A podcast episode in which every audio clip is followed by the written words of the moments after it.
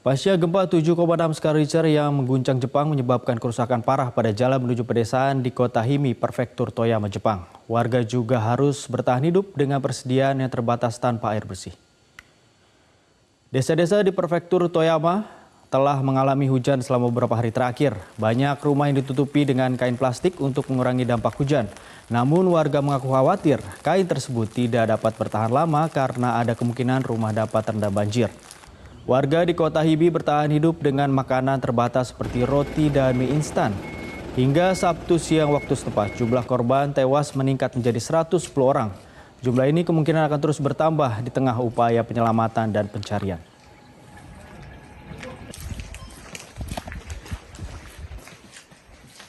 Jelajahi cara baru mendapatkan informasi. Download Metro TV Extend sekarang.